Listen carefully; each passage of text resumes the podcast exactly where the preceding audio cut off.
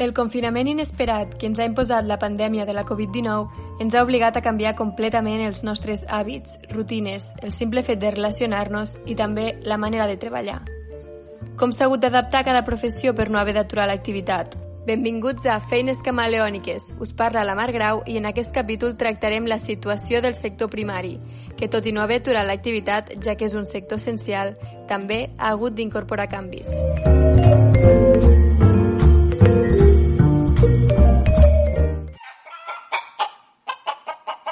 En un moment en què la salut es troba en el primer pla, és necessari cuidar l'alimentació. Per això, mentre la majoria ens hem quedat a casa, els agricultors i ramaders han hagut de continuar amb la seva feina per garantir que poguéssim tenir sempre un plat a taula. Però s'ha vist afectada la producció a causa de les mesures de seguretat que els pagesos han hagut d'implementar en les seves granges? Ha disminuït la demanda d'aliments bàsics com la carn, el peix, la fruita o la verdura per la pèrdua de feina per la qual s'han vist afectades moltes persones? L'Alba ha pogut parlar amb alguns ramaders locals per descobrir-nos així com han viscut la crisi de la Covid-19. Alba, han vist afectada la seva feina? Doncs depèn, Mar.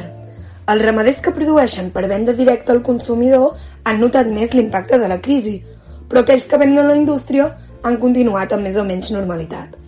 La Judit Roca, propietària d'una granja porcina a Gurb, a la comarca d'Osona, ho ha viscut així. Com a ramader la feina durant el confinament no m'ha canviat gaire. De fet, eh, no ha canviat gens.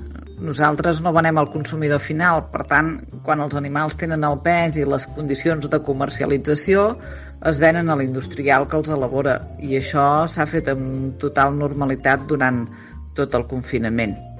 La granja d'en Josep Costafredo que també està integrada a una indústria, concretament a la cooperativa Bonàrea, comença a notar que el que més venen són els productes més barats. Com a grangistes integrats que estem, al començament del confinament m'ho semblava que com a sector primari no ens afectaria molt, però sí que hem vist que ara l'havent passat els mesos doncs que ja, veiem, ja notem que, que el preu ja comença a baixar, que les, sortides d'animals costa més de traure, eh, que, bueno, que les perspectives no són molt bones i que pot afectar greument també, perquè hi ha unes inversions... En canvi, a l'Eduard Solà, propietari de la granja La Rocassa de Muntanyola, on té porcs, xais i pollastres, li ha canviat completament la clientela. Els canvis que hem notat amb el tema de venda de proximitat hem, ens han canviat molt els clients de, de, de tenir restaurants i això, alguna escola i alguna botiga ha passat pràcticament el 95% dels clients a, a particulars, famílies que ens han conegut a través de la pàgina web i bueno, L'Eduard reconeix que amb aquest canvi ja ha sortit guanyant una mica, ja que en la venda particulars té més marge econòmic. Tot i això, no sap com es desenvoluparà el futur.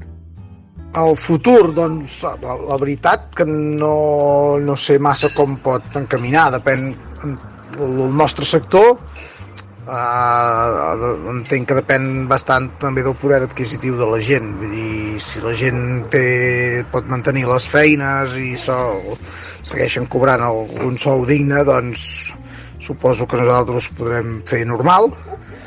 Clar, si l'economia general de la gent se'n ressenteix entenc que nosaltres també. Altres grangistes veuen més negre el futur a mitjà o curt termini, ja que molts depenen del turisme. Aquest és el cas de la Granja Bruna, una família que té una granja ecològica a la Vall Fosca, al poble de Pobellà. L'Assumpte Codinacs ens n'explica la seva situació. Patim una mica perquè de cara a l'estiu, clar, estem en una zona del Pirineu que acollim turistes i els mesos de juliol i agost, sobretot, eh, estàvem servint a restaurants i no sabem aquests què passarà perquè també coincideix que juliol i agost les famílies no, no compraven no? llavors ara, fins ara hem anat bé hem anat molt bé, la veritat però pensem ara, no sé, tenim una mica un dubte a veure juliol i agost què passarà tot i aquestes dificultats en la venda, els ramaders, per seguir produint, han hagut de complir amb les mesures de seguretat dictades pel Departament de Salut, cosa que suposa una despesa econòmica important. Tot i això, la majoria de granges ja complien amb aquestes mesures i han incorporat només alguns petits canvis.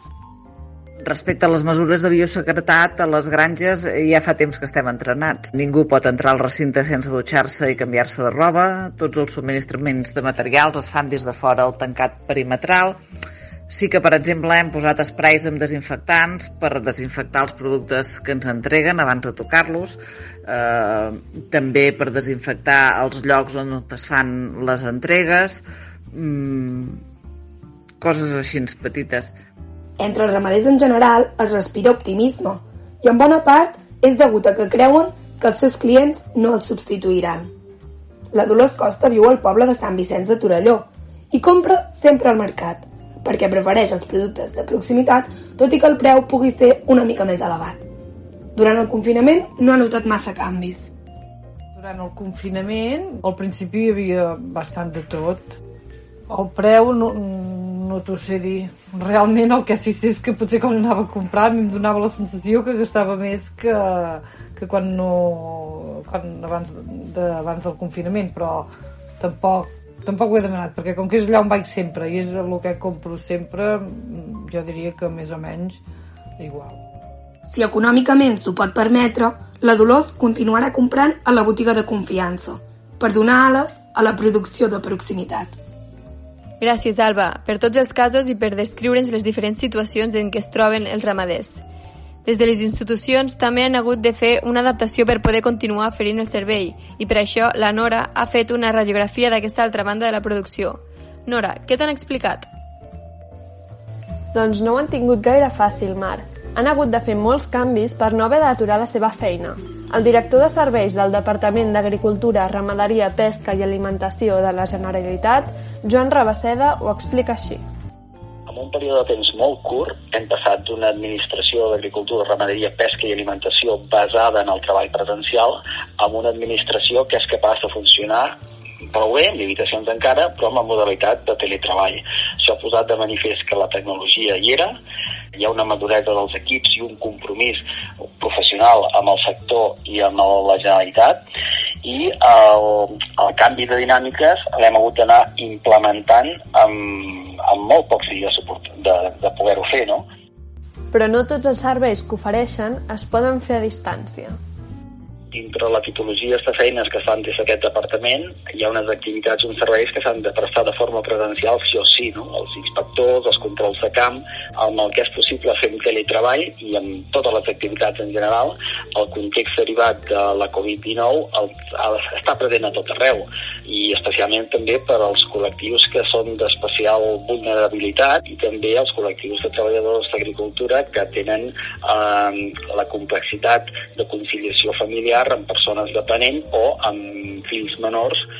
La situació del sector agrari és molt complexa per a tots els actors de la cadena d'elaboració d'aliments.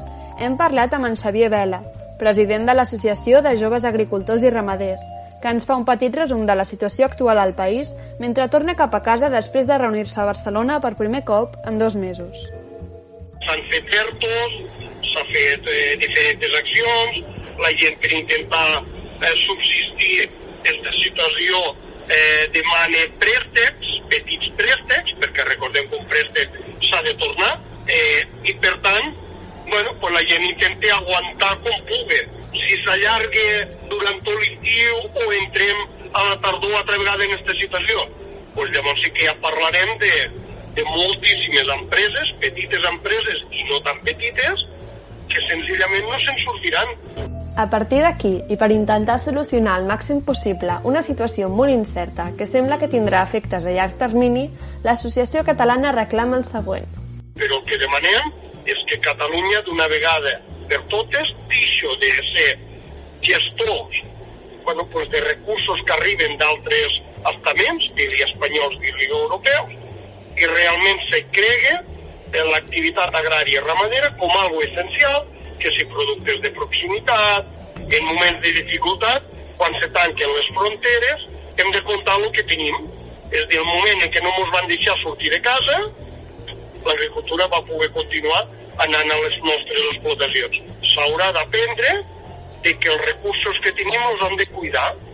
Senzillament, un reconeixement, cadascú a la feina que fa. Mentre esperen respostes a les seves demandes, afronten els seus negocis amb més prudència i cautela, A partir d'aquí, han de seguir esforçant-se amb els recursos dels que disposen actualment. Estarem atents a veure com evolucionen les noves fases de desconfinament que s'aproximen. Gràcies, Nora, i gràcies a tots per escoltar Feines Camaleòniques. M'acomiado de vosaltres amb una forta abraçada telemàtica.